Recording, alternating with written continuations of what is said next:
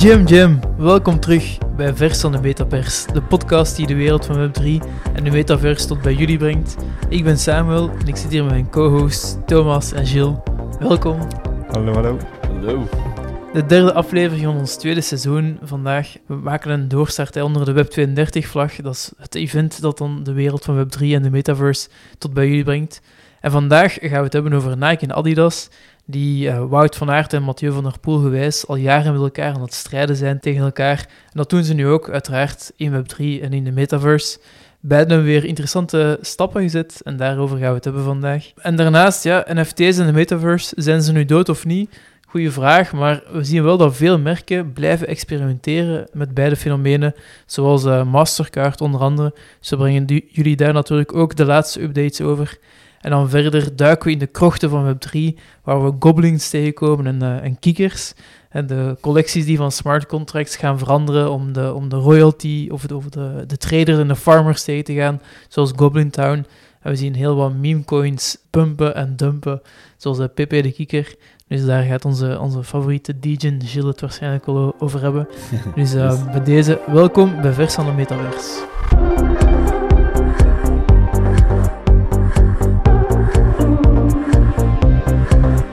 Aert tegen Mathieu van der Poel. Er is er maar één van de twee die ooit een NFT heeft uitgebracht. Hè? Dat is waar, dat is waar. Dat is waar, hè? Ja. Dus uh, in Web3 staat 1-0 voor, uh, Ja. voor Van Aert. en voilà, we gaan uh, geruisloos over van, van Wout van Aert en Mathieu van der Poel naar, naar ons eerste topic, hè, Adidas en Nike.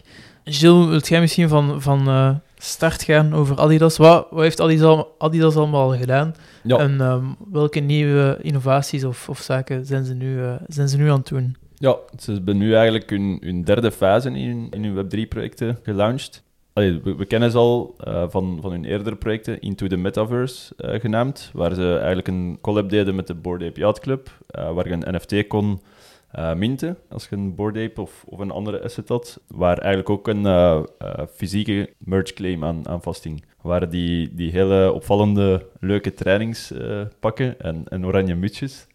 Ik heb ze nog niet zoveel zien dragen. Uh, nee, nee, het is zo net buiten mijn stijl. het gaat uw petje te boven. Ja, het gaat mijn petje letterlijk te boven. Alhoewel, de, de oranje muts is wel leuk voor op maar dat terzijde. Ja, en dus, dus ze hebben twee fases zo gelanceerd al. En nu kun je eigenlijk die NFT's van die eerste twee fases burnen in de derde fase. Waar ze eigenlijk ook een hele nieuwe uh, storyline aan vast gaan, gaan Ja. hangen. En burnen is NFT vernietigen. Ja, de NFT vernietigen, waardoor je een nieuwe in de plaats krijgt. En dat is eigenlijk, hun doel is, ze zeggen ook, uh, die eerste NFT's, daar, daar is geen utility meer aan dat eraan vasthangt. Die merge claim is gebeurd. Dus nu begint eigenlijk het nieuwe verhaal voor Adidas. Ze hebben ook een nieuwe studio opgericht, uh, de Three Stripes Studio. En ze hebben echt een dedicated team nu die volop uh, het nieuwe project Alt genaamd aan het focussen zijn. Is dat een PFP-project of zo? Of? Ja, is- profielfotoproject. De journey leidt er eigenlijk naartoe dat je een uh, PFP hebt en een... Um, allee, ze willen eigenlijk iedereen zijn digitale Adidas-identity laten opbouwen. Maar het is uh, een, hele, een hele verhaallijn uh, met verschillende fases wat, wat we nog niet weten wat er gaat gebeuren, maar je moet bepaalde keuzes maken en dat gaat eigenlijk uh, invloed hebben op hoe dat je NFT er uiteindelijk gaat uitzien. En kunnen ook mensen eigenlijk opnieuw joinen nu in deze fase? Of is het enkel mensen die al van het begin erbij waren?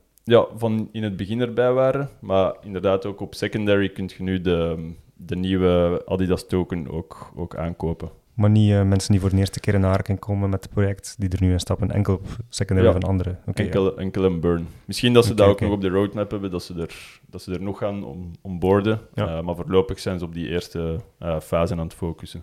Ja, dat is zo interessant dat ze, zo, dat ze niet nog eens een nieuwe ja, mint doen waarbij mensen moeten, moeten kopen. Dat ze, ik denk dat ze toen in 2021 23 miljoen of zo dollar hebben opgehaald met die initiële verkoop. Dus Ja, als ze dat voor het project gebruiken, kunnen ze daar wel even op teren natuurlijk. Mm -hmm. Maar het is, het is interessant dat ze met die initiële collectie van, denk 30.000 NFT's Ja. ja, blijven bouwen en, en nu al ja, twee jaar lang bijna utility en, en, uh, en een verhaal, allee, een roadmap uh, uitzetten. Ja, ja, ik denk ergens, je hebt de echte Web3-community is er ook niet, het laatste jaar ook niet super hard, allee, er is, die is niet echt gegroeid of zo, dus het is denk ik strategisch wel een goede beslissing dat ze eerst daarmee aan de slag verder gaan, voordat ze uh, ja, nieuwe mensen gaan, gaan aantrekken. Ja, en, en dat is ook Dat is wel een beetje vooruitlopen op eh, wat we straks gaan hebben over Nike. Maar dat is ook een andere strategie dan Nike. Ja, Waarbij Nike meer ook die de, de, misschien niet Web3 savvy mensen probeert binnen te hengelen. En, en Adidas duidelijk gewoon op die Web3 natives blijft inzetten. Ja. Ik denk dat je het misschien kunt zien dat Adidas een eh, aparte collectie voor Web3 eh, doet en dat Nike meer een co-creatieplatform wilt maken voor iedereen, Mhm. die dan ook mogelijk is in eh, digitale assets of zo. Ja, ja, ja. natuurlijk. Nike heeft met die acquisitie van Artifact ook een heel Web3 native platform natuurlijk. Ja, ja. Maar inderdaad, onder de Nike-vlag doen ze het meer toegankelijk, terwijl Adidas onder de Adidas-vlag. Dus misschien dat Adidas ooit nog parallel ook, zoals Nike dan, eh, andere dingen gaat doen. Maar minder op de Web3 natives ge- gefocust misschien. Ja, dat is, dat is hoogstwaarschijnlijk, ja. Ja. En hoe kunnen de holders van die NFT's, van die Adidas NFT's, hoe kunnen zij hun ja, utility en, en, journey verder zetten? Ja, dat is, dat is een heel interessante vraag. Je hebt heel die populatie Web3 natives die het gewoon zijn om met wallets te werken. Maar er is eigenlijk een soort tussen-app, Tokenproof. En daar, daar zijn we allemaal denk ik wel echt enorm fan van. Eh, dat mogelijk maakt om te bewijzen dat je, dat je een bepaalde wallet bezit. En dan eigenlijk functionaliteiten in de Web2-wereld unlockt. Maar op een veel gemakkelijkere manier dus. Eh, wij zien dat vaak op conferenties voor ticketing ge- gebruikt worden. Dus je hebt dan een, een applicatie met een dynamische QR-code. Maar je hebt eigenlijk al thuis bewezen dat je die, die wallet hebt. Dus met die Die applicatie. wallet met een NFT ja, dan. met een bepaalde NFT in, inderdaad. En dat is eigenlijk ook hoe dat ze via die token-proof technologie de Web3 natives hebben geonboard in de Adidas Native app. Die noemt Confirmed. Dat is een app die ook veel door sneakerheads en zo gebruikt wordt voor het typische zo drops van, van exclusieve kledingstukken of sneakers. En nu zit daar eigenlijk een soort extra lidkaart in, die gelinkt is met die token-proof. Dus in de app van Adidas, Confirmed, heb Ja. je een soort van lidkaart. En Ja. die bewijst dat je in de Web3-lid, eh allee, Web3-club zit van Adidas. Ja, En om die kaart te genereren, heb je eigenlijk via Tokenproof een connectie gemaakt met die wallet waar die Adidas NFT in zit. exact, exact. En dus enkel mensen met dan die Adidas NFT kunnen die lidmaatschapkaart Ja. claimen.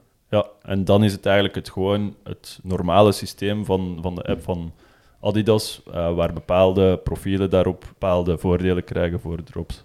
Ja. Dus dan kun je een, eh, bijvoorbeeld een lichtblauwe training met haar kopen. Zo, dat is, dat Ik is zeg een maar heel iets. goed, dat is een heel goed voorbeeld, want het is exact dat. ah ja, toevallig. Ja, heel toevallig. of, nee, ik denk, de sneakers zijn er ook. Dat is ook wel interessant. Er, ehm, zij gebruiken heel veel een Bored Ape dat zij hebben gekocht ooit. Als eigenlijk ja, main eh, character in hun, hun journey. Die hebben ze Indigo He- Hert. He- Hert? eh, Ja, Pro- hertz probeer- in probeer Nederland. maar. Hert, eh, ja. Eh, genaamd. En Indie. In, Indie. Indie voor de vrienden. Ja, Indie voor de vrienden, voilà. Ah, hij zit al in het clubje of wat? ja kijk. En zo zit het. En daar, daar hebben ze ook een, een sneaker eh, voor uitgebracht. Ja, met die Bored Ape dan op de, op de wreef. Dus, eh, ik denk dat het ook een sneaker met wat haar is. Zo. Dus, eh, eh, en die kun je ook enkel kopen met ja, ja. de NFT van eh, Ja. Adidas. En aan, aan zo redelijk normale sneakerprijzen, maar als je dat dan verlegt naar, naar wat je soms ziet aan exclusieve drops van zo'n merken, waar sneakerheads dan geld voor betalen, is, is misschien wel een interessante investering op die manier terug. Ja, ja. Not financial advice. Not financial advice, want dat doen we hier niet. Ja, het alles wat we zeggen ehm, is not financial Eh. advice. Maar zou je hem eh, bewaren, Gilles, als je hem koopt, of zou je die echt aandoen? Nee, ik zou hem bewaren. Ja? Ja, ja. Ik, ik heb dat bij heel veel ehm, Web3 merch voorlopig. Dus, eh Ja. eh, allee, er zijn maar weinig dingen dat ik echt graag aandoe. Van die, dat is, maar ik vind het wel cool om... om dat is eigenlijk eh, een beetje het verlengde van, van heel die sneakercultuur nu. Er zijn Ja. ook heel veel sneakers die gekocht worden dat niemand eigenlijk in het echt zou aandoen. Of zo, maar, Ja, dat is waar. Gewoon om door te verkopen dan. ja, dus, dus, dus eh, ja, Collectibles eigenlijk. Collectible, ja. Ik geloof daar niet in, in collectibles. Moet niet altijd digitaal zijn. hè. Nee, er zijn ook fysieke collectibles. Thomas, zet je een, eh, een Nike of een Adidas van? Dat is hier eh, kleur bekennen. Hè. Ja. Digitaal ben ik, was ik eerst Nike met Artifact van. Maar eh, Adidas zet wel ja, grote stappen eigenlijk, ook met die integratie in een eh, native app. Dus dat vind ik wel echt een, een hele grote stap. Dus ja, ik denk dat het zal zich uitwijzen, maar ik ik sta voor alle twee eh, zeker open om te experimenteren met mijn collecties of mijn uh, producten. Want Nike heeft nu ook weer nieuwe zaken aangekondigd. En volgende week, oh ja, dus als wij dit opnemen volgende week, dus dat zal, um, denk uh, de week van, de eerste twee weken van mei, zal dat, gaan ze releasen gaan ze via hun Swoosh platform. Hè. Dat is het platform dat eigenlijk de, niet de Web3 natives, maar ook de mensen die nog nooit met Web3 te maken hebben gehad, die nog geen wallet hebben, onboard. Hè. Ze hebben daar 300, meer dan 300.000 leden op en je kon gewoon met uw e-mailadres, allee, zelfs niet met uw e-mailadres, maar met uw Nike ID, uw account dat je op de e-commerce website van Nike maakt, moest je daarop aan, uh, aanmelden, u aanmelden en eigenlijk in de backend werd er dan een wallet voor gemaakt. Ja. En dus dat platform noemt uh, .swoosh. En daar is nu eindelijk, er was lang veel content rond, maar je kon er eigenlijk weinig mee doen tot nu toe. En nu hebben ze aangekondigd dat er een schoen gaat gedropt worden. De Our Force One. Hè, onze, onze kracht 1. En er zijn nu wel ook al posters gedropt in de, in de wallets van, van sommige mensen. En met die posters heb je een sowieso kans op een mint. Hè. Kun je er sowieso in krijgen. En anders moet je bij de gelukkigen zijn die op 8 mei die schoenen kan, kunnen kopen. Gilles en Thomas, hebben jullie een, een poster gekregen? Of? Ik heb er geen gekregen, hè, helaas. Ja, ik heb er net nog gekeken in mijn uh, Nike uh, Swoosh wallet en helaas. Uh... Geen posters voor ons. Ai, ai. Nee, ik ook niet, ik ook niet. Interessant is, het is echt zo... Allee, het is voor de Web2'ers en is misschien ook interessant om de prijs mee te geven. Dus allee, ik denk... Um, voor een NFT 19,82 dollar dat ze vragen. Ah, ik weet nu niet wat, wat uh, utility juist gaat ja. zijn, maar het is wel... Ja, dat is, dat is interessant. Dat is eigenlijk verschillende zaken aangekondigd en je krijgt eigenlijk een doos en dan gaat die doos, een schoendoos dan letterlijk, en dan gaat die doos gereveeld worden, um, uiteraard. En ze hebben verschillende, je hebt verschillende types van utility die ze ook al op hun website hebben geteased. Bijvoorbeeld, um, sommige schoenen gaan of sommige NFT's die je hebt gekocht gaan um, je access geven tot fysieke productdrops. Ja. Sommige ga je in, het, uh, in de gaming environment van Nike kunnen gebruiken, die ze, die ze denk ik met WK voetbal ook al hebben geteased.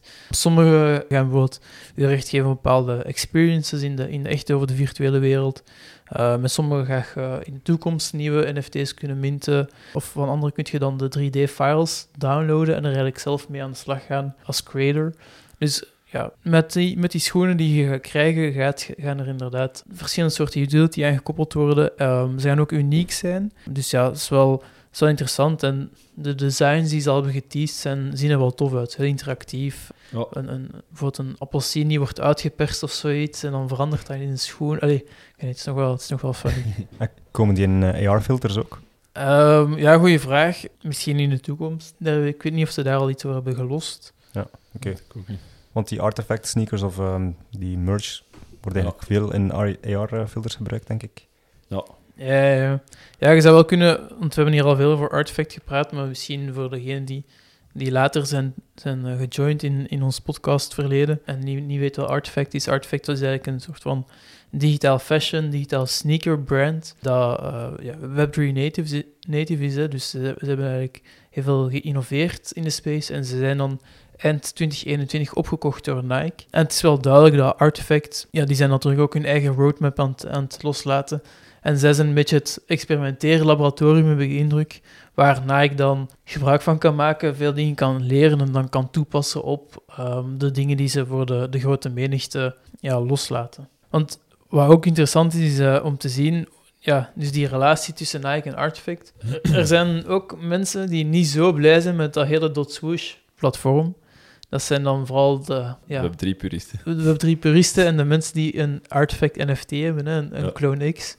Um, dat is het uh, project van Artifact. Die, ja, die clones zijn heel erg in waarde gezakt.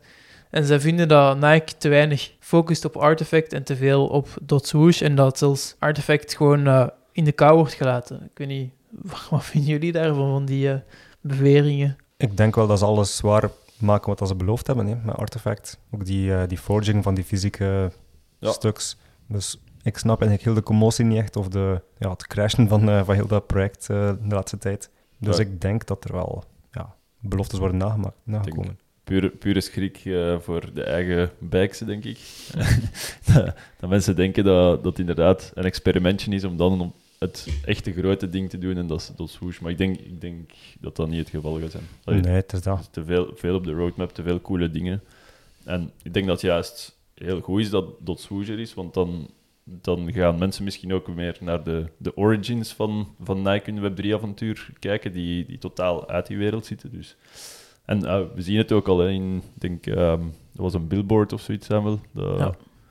Ja, in Tokio was er eh, een, een groot interactief ehm, digitaal billboard van Nike, waar ze eigenlijk de artefact creaties en zo en, de, en die digitale wereld die zij creëren, eh, plots doorbraken en zo. En ja, dus ze pakken er wel degelijk mee uit, hè, Nike. En er was onlangs ook een, eh, een conferentie waar, eh, waar het over Nike en Artifact ging. En Phil Knight, de oprichter van Nike, was erop aanwezig. En het is maar een klein detail, maar het is, het is wel grappig. Hij, had kousen en je kon zijn kousen zien. En die waren ook van Artifact. Dus allee, het feit dat de oprichter en CEO... Allee, dan gaat die ook niet super toevallig of zo hebben ge- gekozen. Of, we moeten het ook niet groter maken dan het is. Maar het is wel, ze zijn er wel degelijk mee bezig. En, ehm, en Nike heeft in 2019 al, dus al jaren voor de, voor de Artifact-acquisitie, patenten ge, gefiled voor ehm, digitale sneakers. Dus Mhm. ze zijn wel echt al lang bezig met die digitale wereld te betreden, daarover na te denken. Het is volgens mij echt al heel beredeneerd en strategisch. En Ja. ze gaan die Artifact-IP ook niet zomaar laten verwateren. Mhm. Ja, de holders moeten volgens mij geen schrik hebben. En ik denk, ik denk zoals gezegd ook, Jill, hoe meer, ja, hoe groter Nike wordt en de, de gewone Nike digitale wereld en creaties, hoe meer waarde er gaat komen naar die, die, die OG's, zogezegd, hè, die, die artifact eh, clones. Ik denk Ja. dat je het ook kunt vergelijken met zo de luxe merken die een, bijvoorbeeld een portefeuille lanceren met een merk.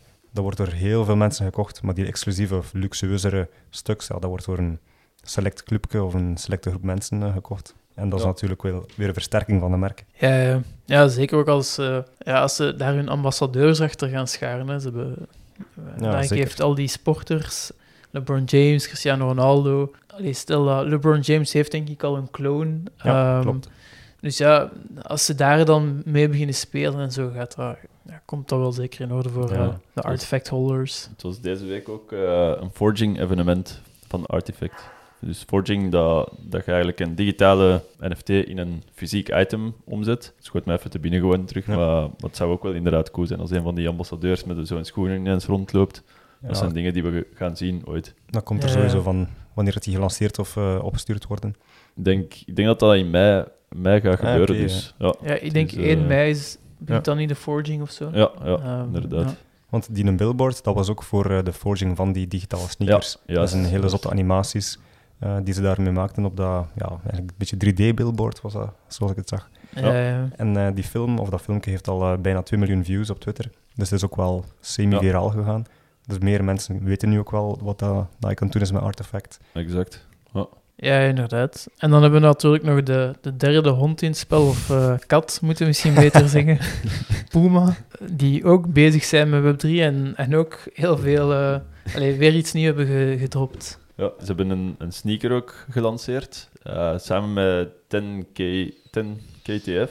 10TKF. Is het 10TKF? Nee, KTF. Ja, Ja. inderdaad. Het, het, staat voor zoiets als 10.000, eh, Ja. Iets met Friends, en ik weet niet hoe. Ja, Ja. ja. de, de, de K is dan voor de 10.000. Het is- Ja, ik weet Ja, niet het, hoe is, het... eh, het is een naam dat we vaak tegenkomen in, in Web3, maar weinig uitspreken echt. eh. Het is 10KTF. ja, ja. Ja, dat is inderdaad 10.000 True Friends. Ja, is ook een, ehm, ja, een project van ehm Yuga Labs ook. Ja, Een, Gestart door onder andere Beeple, maar inderdaad ondertussen overgenomen, overgekocht door Yuga Labs. Ja. Ja, ze gaan, ze gaan dus ook een sneaker, eh, zoals het hoort, eh, lanceren. Een, een digital, die je eigenlijk ook, en dat is ook interessant, met Apecoin moet aankopen. Er is wel wat, wat commotie rond, omdat het 200 Apecoin was. Dus 800 dollar voor, voor een sneaker eh, van Puma die ze lanceren. Maar ja, exclusief collectors item. Eerste Puma sneaker, dus daar, daar gaat denk ik wel een markt voor zijn. Het is wel grappig om te zien. Puma en Adidas werken alle twee met IP van Yuga Labs eigenlijk. Ja, En dan doen Nike hun eigen ding, los van eh eender welk ecosysteem. Ja, Exact. inderdaad. Ja, het is misschien... Ja, ik weet niet of je dat weet, maar Puma en Adidas zijn opgericht door twee broers. Hè. Juist, Adi, Adi ja. en, wie was dat? En Rudy Dazzler.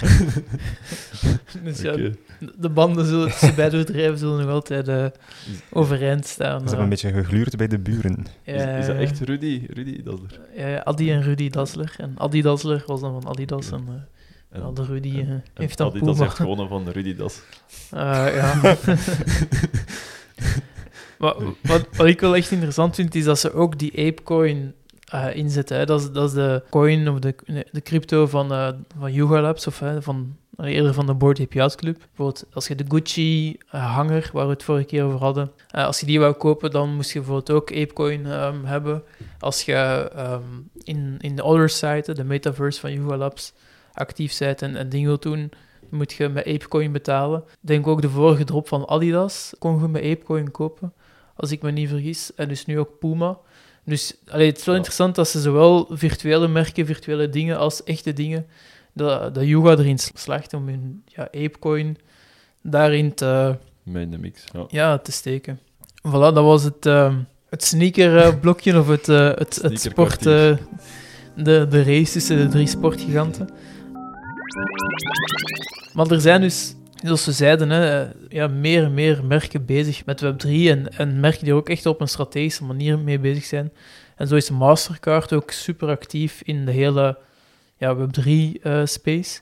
en ze hebben nu weer onlangs een cool initiatief gemint, eh, of allee, ja, gemint, gelanceerd. Ik weet niet of, je- of jullie er iets over kwijt willen. Ik heb het, ik heb het schuin gevolgd inderdaad, maar het was, allee, wat ik ervan weet is dat er een heel groot volume gemint is. Omdat ze, en dat is ook iets wat wij vaak ook naar kijken, maar dat, dat ze het heel eh, gebruiksvriendelijk hebben gemaakt, de mint. Voor mensen die geen wallet nog niet hebben. Ah, Ik denk 98.000 keer gemint of zoiets. Wel een straf, straffe prestatie, vind ik. Ja, ja. Allee, wat wel interessant is, dat, dat Mastercard, hebben al verschillende zaken gedaan.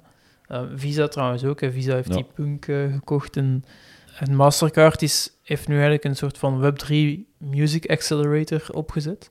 Waarbij ze ja, artiesten en muzikanten eigenlijk willen helpen om de nieuwe technologieën van, van blockchain, maar bijvoorbeeld ook ja, eh, metaverse, AI, die te gebruiken en, en, en zo hun eerste duizend fans of hun eerste 10.000 fans te attracten. Dat is, dat is die theorie van Kevin Kelly, de, de oprichter van Wired, van your true eh, thou- 1000 fans, dat je die moet zoeken en dat je niet voor een miljoen fans moet gaan, maar moet, ga voor die duizend fans en Ja. die echt fan van u zijn en die geld voor u willen spenderen, en bouw daarvoor.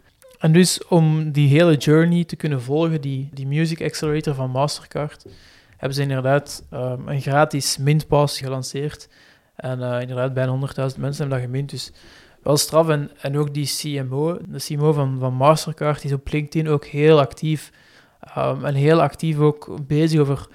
Dit is nu de reden waarom... Hè, wat zijn de redenen waarom we met Mastercard in Web3 actief zijn? Waarom...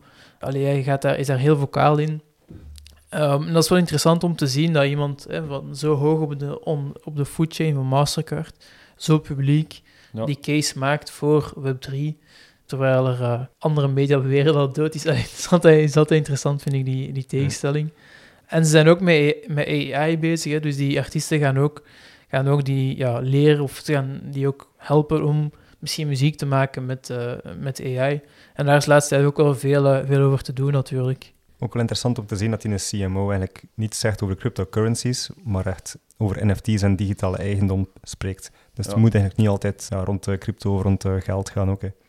Ja. Nee, nee, inderdaad. Ja, dat is ook een beetje onze... Allee, dat is wat wij ook vaak zeggen tegen klanten van ons, hè, dat, dat Web3, eh, NFT's, digitaal bezit, dat dat iets totaal anders is. Of, allee, het heeft natuurlijk wel een link met cryptocurrencies, maar je kunt het helemaal... Kunt dat financieel gewin, ja. ehm, dat speculatieve, kun je daar helemaal van loskoppelen. En dat is juist het interessante daar, eh, aan, aan heel die ja, digitale bezit, digital ownership eh, beweging, vind ik. Mastercard en dan Visa, dat zijn ook zo... Allee, om die ook zo eens tegen elkaar op te zetten. Dus. De Adidas en de Nike van de financiële ja, wereld. inderdaad.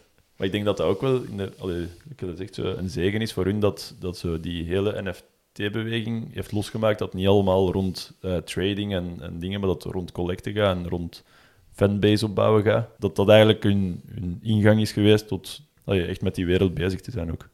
Zonder zich moeten zorgen te maken van oei, we mogen hier niks fout zeggen, want wij zijn nog altijd grote Visa en Mastercard. Als wij ons linken met, dan kan het wel eens tegensteken. Ja, inderdaad. Lamy, misschien uh, iets waar jij ook nog uh, veel over wist, was uh, die hele AI-music-revolutie, wat er, wat er nu mee bezig is. Sommige, sommige mensen zijn het aan bannen of zijn er tegen, maar anderen ja, leveragen ook de technologie, net zoals Mastercard nu wil doen. Ja, er zijn de laatste weken een paar tracks viraal gegaan van, ja, van Drake, Bad Bunny en Rihanna, die eigenlijk niets te maken hebben met de artiest zelf, maar eigenlijk gewoon AI-generated zijn. Die zijn viraal gegaan omdat het kan, maar ook omdat ze er gewoon tegen zijn. Drake heeft al uh, zich uitgesproken dat hij dat niet kunnen vindt en zo. Ik denk dat die platenmaatschappijen er ook niet zo tevreden mee zijn. En Spotify heeft ook gebannen of zo van, uh, van een platform. Dus er is heel wat tegenwind tegen die AI-generated music. Maar dan bijvoorbeeld ja, de andere kant, je kunt ook omarmen, zoals Grimes, die eigenlijk wil samenwerken met die eh, AI-generated um, music, of die artiesten die met, hun stem, met haar stem muziek maken. Zo willen ze eigenlijk een royalty split van 50-50 doen. Ja, als die muziek aanslaat of uh, als er een succes geboekt wordt met haar, met haar stem, dat ze er ook van kan profiteren eigenlijk. Ja, vind smart. Vinden jullie eigenlijk AI part of Web3? Alleen deel van Web3 of, uh, of niet? Het kan ermee te maken hebben, maar eigenlijk staat het wel staat er volledig los van. Maar um, er is wel een grote use case voor Web3 met AI. Ja. Want ja, dat is eigenlijk ook dat de proof of authenticity, als het gemaakt is door bijvoorbeeld die Grimes, als hij muziek lanceert, dan kan ze met een NFT uh, eh, meegeven van ik heb dat gemaakt, het komt van mij. Buiten een AI gaat dat niet kunnen vanuit haar uniek adres. Ja, inderdaad. Um, we gaan in een wereld terechtkomen waar meer en meer content gemaakt wordt en het gaat moeilijker zijn om te bepalen wat is echt en wat is niet echt. En om dan digitaal bezit te hebben, is wel, is wel een zegen, omdat je dan inderdaad kunt zien van wie heeft het gecreëerd, ja, welke iteraties heeft het doorstaan, et cetera. Dus uh, voor mij is Web3 digitaal bezit en AI is een andere technologie die in de toekomst van het internet heel belangrijk gaat zijn, samen met Web3. Um, ehm, en hoe meer AI, hoe meer bullish ik ben voor, voor Web3, om eerlijk te zijn. Mm -hmm. Ja, inderdaad. ook bijvoorbeeld Adobe is er ook mee aan het experimenteren om dan in het exporteren van uh, creatieven hun, uh, hun werk, om er eigenlijk een certificaat aan mee te voegen. Stel, je neemt een foto en uh, RAW uit je camera komt dan een certificaat met uh, RAW image, dat er niets aan bewerkt is of zo. Ja. Je bewerkt het in Photoshop met kleuren of met uh, een andere beeldbewerking, dan kan er ook een ander certificaat bij zetten van pas op, of allee, gewoon een notificatie, het is bewerkt, het is geen ja, echt, echt beeld. Dus daar zit eigenlijk heel veel waarde in ehm, de toevoeging van NFT's in. Ja, ook aan de andere zijde, hè, de applicaties die AI als output hebben. Als er een output is in AI, dat daar direct een, een um, NFT onder hangt van deze is met AI gecreëerd, dan heb je eigenlijk een wereld waar je kunt zien wat natuurlijk gecreëerd is en AI gecreëerd is. Ja, zeker. Dan ja, in de ideale wereld zou dat dan ideale ook... wereld, ja. zou dat dan misschien een uh, beslissing zijn van de overheden van dat is een vereiste om toe te voegen in je, uh, in uw creatieproces of zo. Dat er geen uh, discussie mogelijk is of geen fake news mogelijk is. Ja, dan zullen er nog altijd wel mensen loopholes vinden, zeker. er zullen altijd wel nieuwe loopholes komen, denk ik, in uh, nieuwe technologieën. Ja, het is, het is echt wel een goede match, die, de twee. Ja. Inderdaad, inderdaad. Misschien om ons stukje over, over grote merken af te sluiten. Nike, Adidas, Puma, Mastercard. Um, de laatste weken, of sinds onze vorige aflevering, zijn er nog heel wat andere merken toegetreden in Web3. En zoals Mattel, uh, de NHL, de, IJshockey League, Lexus, de Braziliaanse Voetbalbond, Canon, de, de cameramakers hebben een eigen marketplace gelanceerd voor fotografie.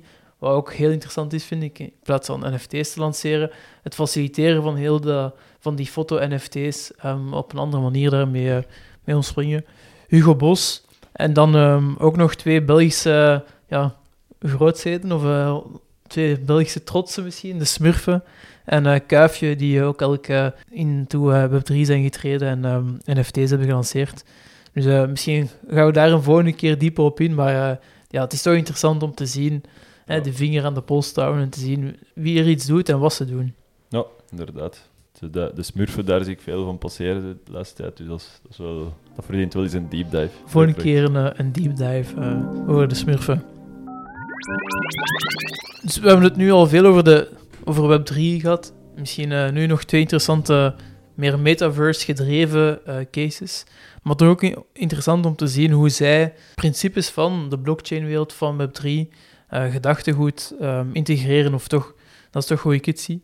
En Roblox heeft onlangs aangekondigd dat zij eh, digitale items die in het spel kunnen worden gecreëerd en gemaakt en verdiend en eh, verkocht, dat die items inderdaad onderling kunnen verhandeld worden. En dat er eigenlijk ook een soort van royalties aan gelinkt gaan worden. Dus, hè, dus Ja. zoals bij de NFT-wereld, als ik iets maak en ik verkoop dat, of dat wordt dan verkocht op bepaalde marketplaces, dan gaat er altijd een percentage, of kan er een percentage van de verkoop terug naar mij gaan, of naar de, naar de originele maker. En Roblox is eigenlijk nu ook diezelfde techniek of ehm, dezelfde mechaniek aan het toepassen ehm, in hun platform. Ja. Alleen worden de assets, digitale assets, niet op de, op de blockchain gemunt, maar zijn het gewoon, gewoon digitaal, digitale assets binnen het Roblox-platform, Ja. geen NFT's. Het is wel interessant om, om te zien dat ze die technieken of die mechanieken afkijken vanuit de, de Ja. Web3-wereld. Dus, ja, misschien zijn ze ons echt aan het voorbereiden, de Roblox-gebruikers aan, aan het voorbereiden van het gaat er ooit komen. Dus dat ze die technologie daaronder nog alleen op het einde gewoon moeten toeschuiven, maar dat iedereen de gedachtegang en mechanismen wel begint, begint Mhm. in te zien. Al. Ja, inderdaad. inderdaad. Ja, voor mij zijn dat ook zo kleine tekenen van adoptie. Zo van, ja, eh, inderdaad. je begint eh, iets te proeven van, ah ja, oké, zo kan het eruit zien. En, en mensen die ook die nu Roblox spelen en die mechanieken ervaren en zien van, ah ja, daar, daar zit wel iets in, die gaan dan misschien ook wel makkelijker de overstap maken naar, eh, naar de Web3-wereld. Dus Ja, het is niet alleen de technologie, het is ook een gedachtegoed. Ja. Dus daar zijn ze inderdaad wel eh, stappen in aan het zetten. ja, ja, inderdaad. Het is meer inzet op die, die creators, hè, die, die eigenlijk belonen voor, voor de waarde die ze toevoegen op het, eh, op het platform. En in dat aspect is het interessant dat ander groot eh, metaverse-platform, of gaming-platform, want uiteindelijk wat is het verschil tussen sommige gaming- en metaverse-platformen, maar, maar ehm, Fortnite, zij hebben nu een, een soort van nieuwe update ook gelanceerd, waarbij het heel makkelijk is voor creators, voor merken, om een soort van eigen Fortnite-eiland te creëren en, te lanceren. Een beetje zoals bij Spatial of bij OnCyber, je ook je eigen 3D-omgeving kunt uploaden in hun technologie en je zo je eigen metaverse kunt creëren. Dat is eh, heeft Fortnite nu ook gedaan. Wat heel tof is, omdat er al verschillende merken nu zo gewoon organisch, zonder een officiële partnership, hun wereld kunnen publiceren en daar games in, in, in organiseren en zo. Maar wat het interessantste is, is dat Fortnite heeft gezegd dat ze eigenlijk 40% van de revenues die door die eilanden, door die populaire eilanden komen, gaan delen met de, met de makers van die eilanden. En ze gaan eigenlijk ja, die, die weer meer inzetten op die community, die creators, de mensen die effectief waarde toevoegen aan de platformen, gaan veel meer worden beloond dan vroeger. En ergens in mijn hoofd is dat precies ook wel een soort van ja, dynamiek die, die misschien meer in die Web3-wereld is ontstaan, waar, waar communities en mensen die eigenlijk ja, hun best doen om, om de waarde van de community te vergroten, beloond worden. Is dat ook weer zo'n soort van dynamiek die overkomt gewaaid van, van die Web3-wereld naar Fortnite. Dus ja, ik ben, ben wel benieuwd hoe het dan verder gaat eh, evolueren. Hebben jullie ooit Fortnite gespeeld? Ene keer. Eén keer. Ik Ja. moest, moest toch wel een keer weten wat dat was. Hè. Ja, Heel die hype eh, een paar jaar geleden zo. Ja. Maar ik zie vooral de kinderen van mijn vrienden eh, ermee spelen. En eigenlijk, die komen daar ook samen met hun vrienden. Ja, dat is... Ja, ze mieten daar online. Hè. Ja, Ja. ja. Interessant om te zien. En da- daardoor ook ben ik eigenlijk overtuigd van eh, ja, Web3 of metaverse-omgevingen. Of de Web3-assets. Dat is ook door die eh, jongere generatie bezig te zien. De speelplaats van, van die generatie. ja. Ja, inderdaad. Ja, Fortnite heeft al voor 20 miljard aan omzet, allee, virtuele goederen gedraaid in, in zijn bestaansgeschiedenis. Dus mensen die dan die ontkennen dat digitale goederen waarde kunnen hebben, dat is, dat is een beetje... allee, ze zijn natuurlijk niet blockchain-based op Fortnite, maar op zich maakt dat niet per se uit voor de dynamiek en het mechanisme die erachter zit. Ehm, dus ja, dat is, wel, dat is wel interessant. En ik heb ook eens één keer gefortnite tijdens corona, in de lockdown. En eh, ik werd eh, elke keer als eerste neergeknald door waarschijnlijk een zevenjarige of zo. dus dan ben ik er maar snel mee gestopt, want er was geen eh, plezier aan voor mij. Heb je dan het in-game asset Rode Lantaarn gekregen? Of eh, is dat daar nog niet? Ehm, nou, dat weet ik niet meer, dat is al te lang geleden. maar- ik, ik zou het waarschijnlijk wel moeten gehad hebben als ik zo slecht was. Ah, sorry, mijn uh. Dus zit er een kikker in uw keel? Ja, ja. Er zit een, eh, een kikker in mijn keel. en dat is een mooie overgang naar, eh, naar het meer uh, DJ-nieuws. Gilles de Memecoins Ja, we hebben, we hebben weer een ehm, redelijk heftige periode van memecoins ge- gezien de laatste tijd op de Ethereum eh, blockchain. Misschien eerst, wat is een, wat is een memecoin? Ja, memecoin, eh, memes, kennen we allemaal. Een van de bekendste memecoins is Dogecoin. Heel bekend op Twitter gemaakt door Elon Musk ook. Dus ja, de typische meme van het hondje, van de Doge. De Shiba Inu zeker? Ja, de Shiba Inu. inderdaad. Dat dan ook terug zijn eigen coin heeft. Misschien een rivaliserende bende die ook eh Ja, wou pumpen. Inderdaad. Ik denk zo in, in 2020, eh, in volle coronaperiode, zijn die twee, allee, de Dogecoins zijn dan serieus gevlogen, om het zo te zeggen, naar ja, zware market caps.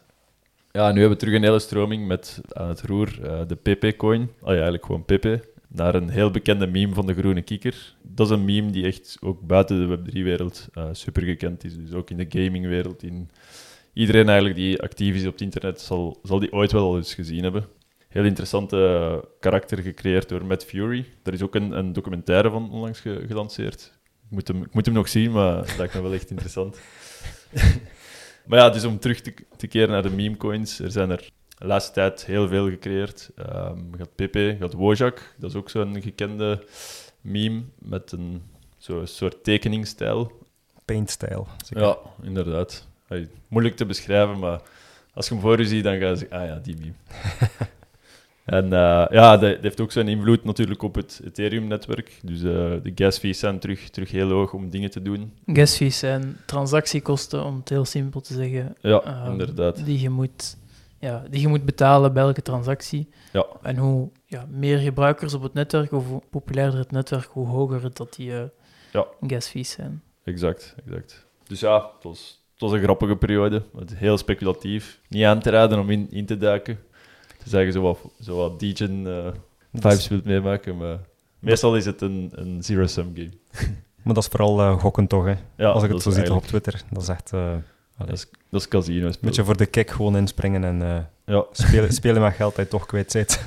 exact. exact. Ja, ja. Want er zijn dan zo verhalen van... Ik heb denk nu bij die, met PP een verhaal gelezen op Twitter, dat er iemand voor 0,125 Ethereum had gekocht. Dus ja, hoeveel is dat? Dat is, eh, pakt eh, 250 dollar of zo, of, of iets minder. En eh, dat die op een bepaald moment 1,9 miljoen dollar eh wint. Allee. dat zijn- Potentiële winst. ja, inderdaad. Eh, dus ja, dat is... Dan, en dan denk je van, ja, of dan denkt iedereen, of nu moet ik er ook op springen. Ja. Maar En dan is het te laat. inderdaad, Ja. er zit geen, eh, ja, er zit nul van onderliggende waarde. Het is gewoon het, ja, de hype van het moment. Daardoor kopen veel mensen dat in de hoop snel rijk te worden. Maar uiteindelijk, eh, is, ja. er zijn maar heel, heel weinig mensen die snel rijk worden. En die hebben meestal al gekocht wanneer jij ervan hoort. Allee, al lang gekocht van, ja, nadat jij ervan hebt gehoord. Dus ehm, aan de bron. Ja, bij zo'n ding moet je echt al in eh, heel niche of eh, ja, diep in de krochten zitten in eh, chatgroepen of zo. Ja, Want als wij eigenlijk de, de mainstream web drie mensen ervan horen, dan is het eigenlijk al te laat. Hè. ja, ja, inderdaad. Maar dat is ook een beetje de dark side van, eh, van crypto. Ja. Allee, dat casino-spel. Ja, het is zo'n gek fenomeen. Het is zo, waarschijnlijk in het begin zo een beetje gecoördineerd en dan gaat dat viraal door memes, door Mhm. dingen en dat, ja, dat escaleert naar dingen die buiten controle zijn. Maar dat is misschien ook wel nog een positief signaal dat er terug gespeeld wordt ergens. Ja, Dat er eh, de ergste crisissen bij mensen voorbij zijn of wat. Heb ik de Dus- indruk toch? het is zo de, de periode dat de degens boring, eh bored worden bedoel ik, dan is het teken dat er iets nieuws aan, het- aan het opkomen is. En dan zien we veel innovatie daarna terug en, en hopelijk eh, leuke dingen. Ja, want het is inderdaad wel interessant. Allee, enerzijds zijn al de NFT floor prices laagste, eh, laagste ooit. Hè. De, allee, Mhm. zelfs de, de punks en de apes die heel lang Ja. ja, toch konden blijven standhouden, zijn nu ook onderuit aan het zakken. Ook deels omdat Blur, ehm, denk ik, met hun incentives ehm, gestopt is. Maar anderzijds zie je dat er toch nog wel geld in de markt is om te degenen, om het zo te zeggen. Hè. Die, die coins die dan, eh, die meme coins die dan zo skyrocketen. Ja. Ehm, dus ja, het is inderdaad, het is wel grappig. Er is wel nog ergens geld om grappige, zotte dingen te doen. Ja. Maar op dit moment niet in NFT's al sinds. En misschien om af te sluiten nog een eh, kleine switch van eh, het traden van eh memecoins naar het traden terug van NFT's. Goblin Town, waar we het over hadden in de intro, zij hebben ook iets eh, interessants gedaan, eigenlijk om die trading tegen te gaan. Ik weet niet of jullie weten wat ze hebben gedaan of Want veel mensen dachten dat het project gerukt was, hè, dat, er, eh, dat ze met het geld van door er waren. Een gokske. Hebben ze misschien het contract aangepast dat de transferfunctie eh, uitstond? Of? Ja, of een nieuw, zijn nieuw contract gingen deployen, denk ik.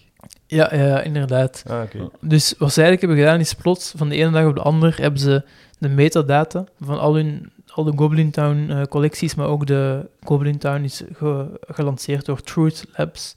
En eh, dus Truth Labs heeft ook NFT's, dus eigenlijk alle NFT's van Truth waren aangepast. En plots was die, was die metadata, was die visual veranderd. En dus als je naar je Goblin wou gaan, zag je in plaats van een Goblin een fuck you vinger, ehm, waarop stond eh, fuck royalties, lang leefde traders, ehm, zo aan heel eh, ja, ironisch, sarcastisch visual. En dus mensen dachten eerst van oei, ze hebben wat is er gebeurd? Maar dan, eh, dan kwam Goblin Town of, of Truth Labs al snel met, eh, met de announcement dat ze inderdaad, ze gaan de contracten updaten, of ze gaan nieuwe contracten deployen en ze gaan dus eigenlijk NFT's die je had, worden niks waard en ze gaan nieuwe NFT's droppen met een, met een nieuw smart contract. Ja. Want waarom doen ze dat? Omdat de traditionele marketplace OpenSea kreeg concurrentie van nieuwe NFT-marketplaces, hè, plaatsen waar je NFT's kan kopen. En dat werd deels gedaan. Blur was er zo een, dat was een, een concurrent. En er werden incentives gegeven om veel te traden en om eigenlijk eh, ook de, de royalties niet te, niet te respecteren. En dus plots kwamen veel collecties zonder royalties te zitten. Ehm, ik denk dat, het, dat je max 0,5% nog, ehm, dat dat zo wat de standaard was geworden, Mhm. in plaats van 10 of 8 of 9. En dus heeft, Truth Labs nu eigenlijk nieuwe contracten gedeployed waarbij ze dat meer kunnen enforcen, die royalties, waarbij ze die op 5% hebben gezet. Ze hebben ook gezegd dat ze in die contracten dat die nu nieuwe functionaliteiten los van die royalties toelaten in de toekomst voor hun plannen. Wel benieuwd wat ze daarmee zouden doen. Maar wat ook nog interessant is, is dat Truth Labs een website heeft gelanceerd. fublur.com. Ehm, en zo in de, in de Blur branding. Dat is eigenlijk een, ehm, een website waarbij ze een soort van stappenplan weergeven van... Kijk, als je een trader bent, je hebt een collectie gemaakt en je wilt dat je royalties kunt blijven hebben in de toekomst. Dit is de manier waarop wij Blur hebben eh, omzeild. Of, ehm, En dit is waarop jij het kunt doen. En dus ze zeggen letterlijk alle stappen van eerst... Hoe op basis van wat neemt je beslissing? eh, informeer je community, praat ook met Blur en zo. En dan hebben ze ook gewoon het eh, contract dat zij, of een soort van template van een contract dat zij hebben gebruikt voor hun nieuwe dingen, staat er ook op. En kun je het eigenlijk gewoon eh, overnemen en implementeren. Al heeft toch dat specifieke gedeelte van de marketplaces en de royalties. Dus ja, dat is wel interessant dat ze allee, dat ook gewoon openstellen naar, naar heel de sector, om het zo te zeggen, Mhm. naar alle traders. Cool, ja. Rip Blur. Ja, Fuck you, Blur. Ja, ik ben wel benieuwd wat er met Blur gaat gebeuren na hun tweede airdrop en na hun... Allee, hè, nu... Ja. Nou, Het is zeker niet houdbaar. Hè. Blijven tokens uitdelen of eh, blijven mensen laten traden op je platform. ja, ik hoop dat zij nu genoeg tijd hebben gehad om echt hun product Ja. aantrekkelijk te maken. Allee, ik vond dat altijd wel een redelijk aantrekkelijk product. Maar dat is echt waar, waar ze op moeten spelen, want voor de rest gaat het echt gepoker worden. Mhm. En als je alles tegen je hebt, zetten ze je buiten spel. Dus Ja, ja. Maar zo zie je ook wel terug die, de kracht van die, van die makers. Hè. ja, En ook heel creatief omspringen met die metadata. Ja. Ik denk dat daar nog heel veel kan mee gebeuren. exact. Een beetje om je, eh, je community te engagen of boodschappen eigenlijk mee te geven aan je eh, publiek. Ja, ja want dat is ook weer een, een soort van discussie. In het begin was het ja, NFT's, die metadata mocht gefreezed zijn. Je mocht daar, mocht daar niet aan kunnen, want hoe heb je anders de garantie dat er niks met je JPEGs gebeurt, Ja, om het zo te zeggen. Of, allee, of met je NFT's te koer. En ik denk voor veel van die originele eh, collecties, zoals bijvoorbeeld de Board Ape Yacht Club, is de metadata gefreezed van, allee, En- van, de collectie. En dus die kunnen dan niet meer zomaar aanpassen. En. Sterker nog, die hebben ook een de deployer naar het eh, nuladres gestuurd. ja, ja, Nu kunnen die niets allee, echt aanpassen. Daarvoor was dat gefreezed, maar nu kunnen, is heel het contract ook eh, weg. Dus niemand heeft er nog toegang toe. Ja. Ja, en, en dat is enerzijds goed, omdat je als holder hebt je nu sowieso garantie dat, er, dat het altijd zo gaat zijn zoals het Mhm. nu is. Je afbeeldingetje zo. Ja. Ja, maar langs de andere kant is dat ook niet goed, omdat hetzelfde als holder heb je nu de garantie dat het altijd zo gaat zijn zoals het nu is. En je Ja. weet niet wat de toekomst brengt en welke nieuwe innovaties en functionaliteiten en zo. Dus ja, de vraag is, ja, moet je die freezen of ja of nee. En het hangt natuurlijk van use case tot use case af. eh, Ja. Kunst, eh, meer, misschien ook luxury dingen zoals, zoals de punks en de apes. Daarbij is het wel logischer, denk ik, om, om niet te freezen. Langs de andere kant meer ja, brand-related collecties. Daarbij niet, voor- Ja. omdat je dan ook dat je kunt gebruiken in storytelling en zo. En, Journey. dus Ja. ja, Ik denk dat dat een goede scheiding is van de twee werelden. Zo'n beetje collectibles en meer eh, ongoing eh, projecten. ja, ja, ja, inderdaad. Voilà. Tenzij jullie er eh, nog iets over los willen laten, of, of jullie nog een andere, nog een leuk, een leuk nieuwsje hebben, eh, NFT van de week. En- Hm, ik heb misschien geen NF specifieke NFT van de week, maar wel een tip voor mensen die een eerste NFT willen eh, verzamelen of zo. Er is al een maand of twee geleden eigenlijk veel ja, free mints gelanceerd op bijvoorbeeld Manifold of ehm, op Zora of zo. Maar als je op Twitter veel artiesten volgt of die NFT's lanceren, kunnen wel nog altijd gratis of goedkope art minten. Dus ik denk als je eerste stappen wilt maken met eh, mooie brandjes of zo, of eigenaar wilt zijn van eh, een editie van een artiest dat je leuk vindt, zou ik zeker een keer ehm, kijken of eh browsen op Twitter naar al die artiesten of zo. Down the rabbit hole. Yes. En aldoende leert men, hè, dat moet, eh moet je geen geld kosten. Hè. Gewoon een, een editie claimen of zo van iets dat je, dat je tof vindt.